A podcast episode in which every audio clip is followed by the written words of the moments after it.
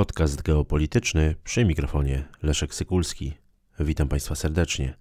16 maja 2023 roku Duma Państwowa Federacji Rosyjskiej, działając w trybie przyspieszonym, jednogłośnie przegłosowała wypowiedzenie traktatu CFE, czyli traktatu o konwencjonalnych siłach zbrojnych w Europie.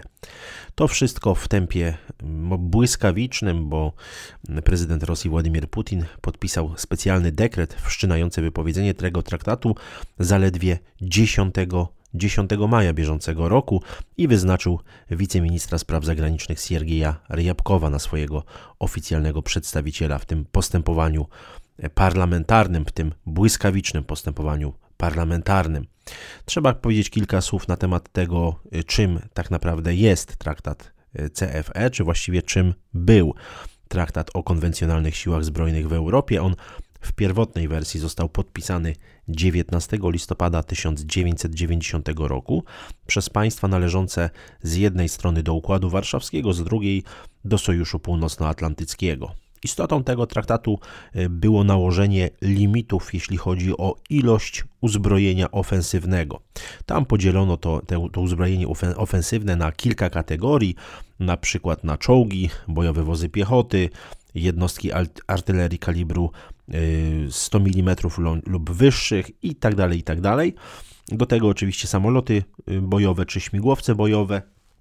To wszystko miało podlegać limitom dotyczącym rozmieszczenia, e, rozmieszczenia mm, wojsk e, obu sojuszy w Europie. Można powiedzieć, że od Atlantyku, od Portugalii aż po, aż po, aż po Ural. No i oczywiście także ten traktat zawierał mechanizmy wzajemnej e, kontroli właśnie tych limitów ilościowych. To był taki w ogóle symbol mm, końca zimnej wojny. To miał traktat CFE miał stanowić bardzo ważny element nowej architektury bezpieczeństwa w Europie, już tej architektury pozimnowojennej.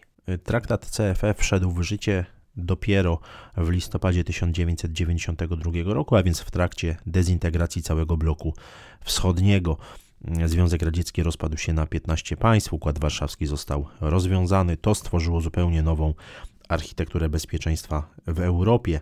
Należało dostosować zapisy traktatu do nowej rzeczywistości, do nowych realiów. Nastąpiło to w Taszkencie w maju 1992 roku. Wtedy limit uzbrojenia, który był przyznany Związkowi Radzieckiemu, został podzielony na byłe republiki.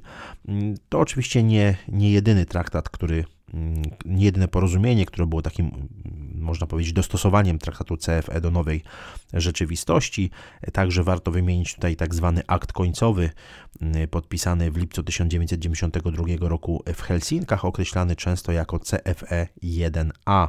Już w drugiej połowie lat 90. państwa sygnatariusze traktatu CFE negocjowały przystosowanie mm, tego traktatu mm, do nowych realiów. Chodziło po prostu o zastąpienie limitów sojuszniczych limitami e, narodowymi. E, tę zmodyfikowaną wersję traktatu podpisano ostatecznie na szczycie Organizacji Bezpieczeństwa i Współpracy w Europie e, jesienią 1999 roku w Stambule.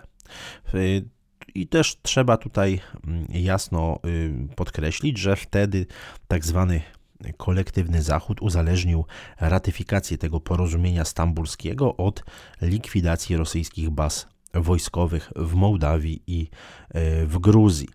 E, trzeba tutaj też e, wiedzieć, że ostatecznie państwa Sojuszu Północnoatlantyckiego ostatecznie nie ratyfikowały tej zmodyfikowanej wersji traktatu właśnie na szczycie OBWE w Stambule, ponieważ argumentowały, iż strona rosyjska odmawiała wycofania swoich e, wojsk mm, z Naddniestrza, a także likwidacji bazy wojskowej e, w Abchazji końcowymi akordami, że tak to określę, całej sprawy wokół traktatu CFE były decyzje Rosji z lipca 2007 roku i z 2015 roku.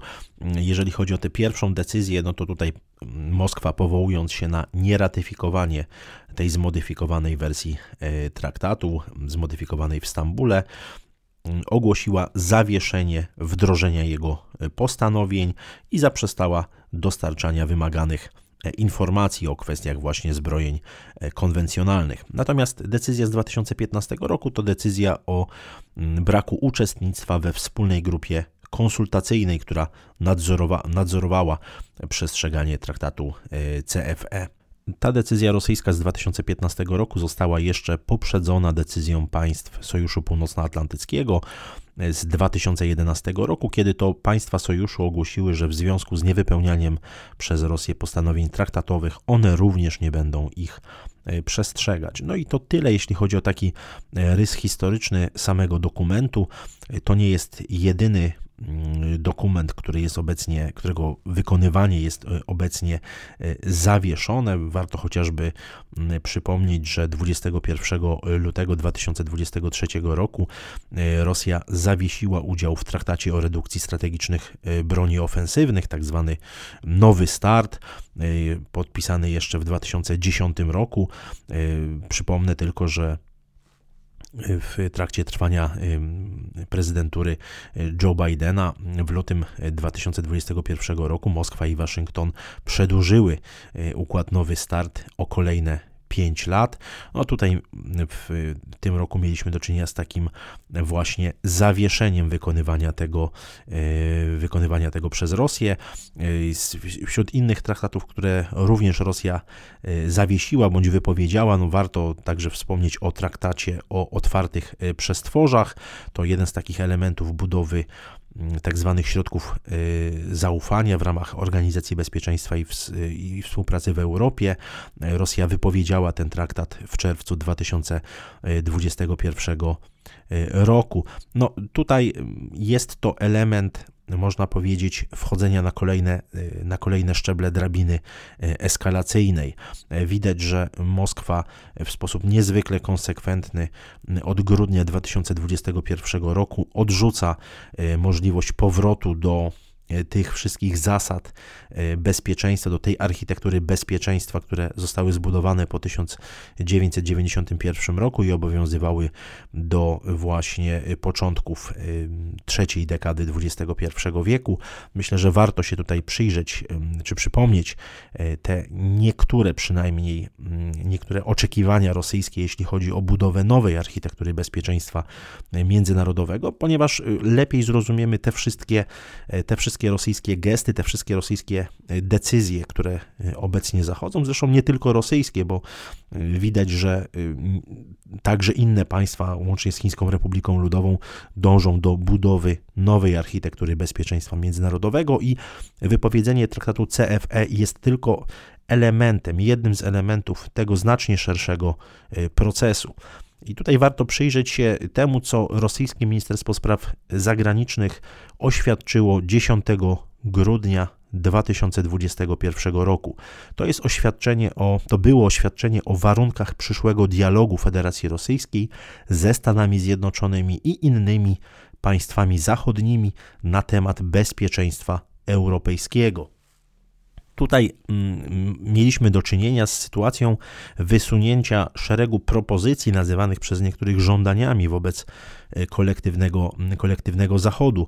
Jeżeli chodzi o treść tego oświadczenia, to ono zostało bardzo szybko przedstawione zaraz po rozmowie prezydentów y, Stanów Zjednoczonych i Rosji, która miała miejsce 7 grudnia 2021 y, roku. Do tych najważniejszych propozycji Rosji zawartych w oświadczeniu z 10 grudnia y, możemy, możemy zaliczyć przede wszystkim zasadę tak zwanego równego i niepodzielnego bezpieczeństwa. Chodzi o takie gwarancje, mm, swego rodzaju takie wprowadzenie moratorium na rozszerzenie Sojuszu Północnoatlantyckiego na wschód, które miałoby być długoterminowymi gwarancjami bezpieczeństwa dla e, Federacji Rosyjskiej. No tak naprawdę sprowadzało się to Sprowadzałoby się to do wycofania się NATO z postanowień szczytu w Bukareszcie z 2008 roku. Te, na mocy tych postanowień mm, stwierdzono, że zarówno Gruzja, jak i Ukraina staną się członkami NATO.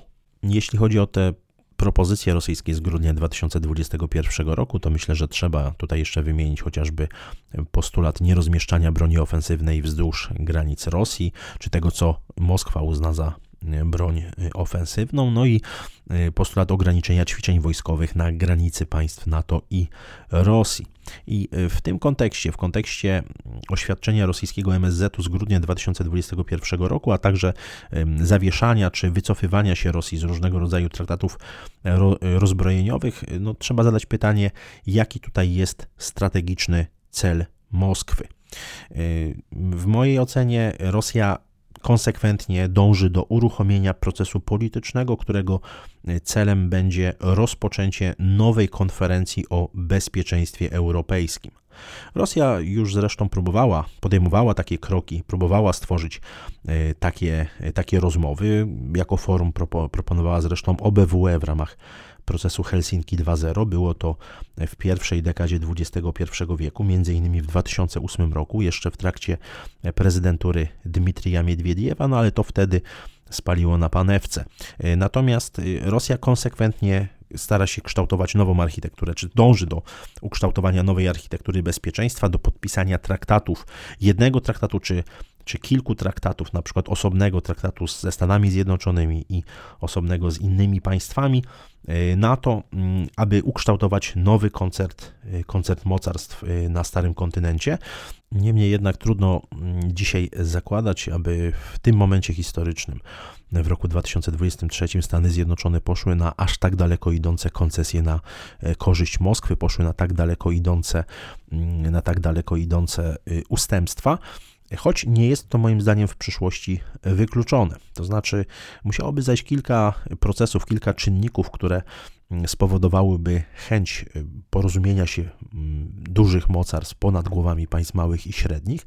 Niewątpliwie takim jednym z ważnych procesów, który może przybliżyć taką perspektywę budowy nowej architektury bezpieczeństwa europejskiego, jest proces policentryzacji świata, proces odchodzenia od świata jednobiegunowego, ograniczania hegemonii Stanów Zjednoczonych, odchodzenia od rozliczeń międzynarodowych w dolarze.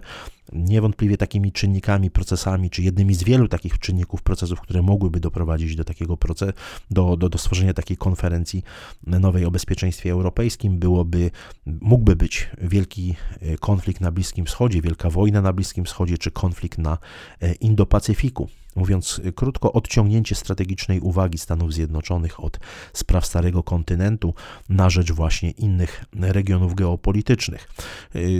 Tego absolutnie nie możemy, tego absolutnie nie możemy lekceważyć, nie możemy nie uwzględniać także takich scenariuszy e, i e, biorąc pod uwagę doświadczenie historyczne, to, że, tak jak powiedziałem, mocarstwa bardzo często porozumiewały się ponad głowami e, innych państw, no, trzeba również to zakładać jako jeden z wielu wariantów. Dziękuję Państwu za uwagę.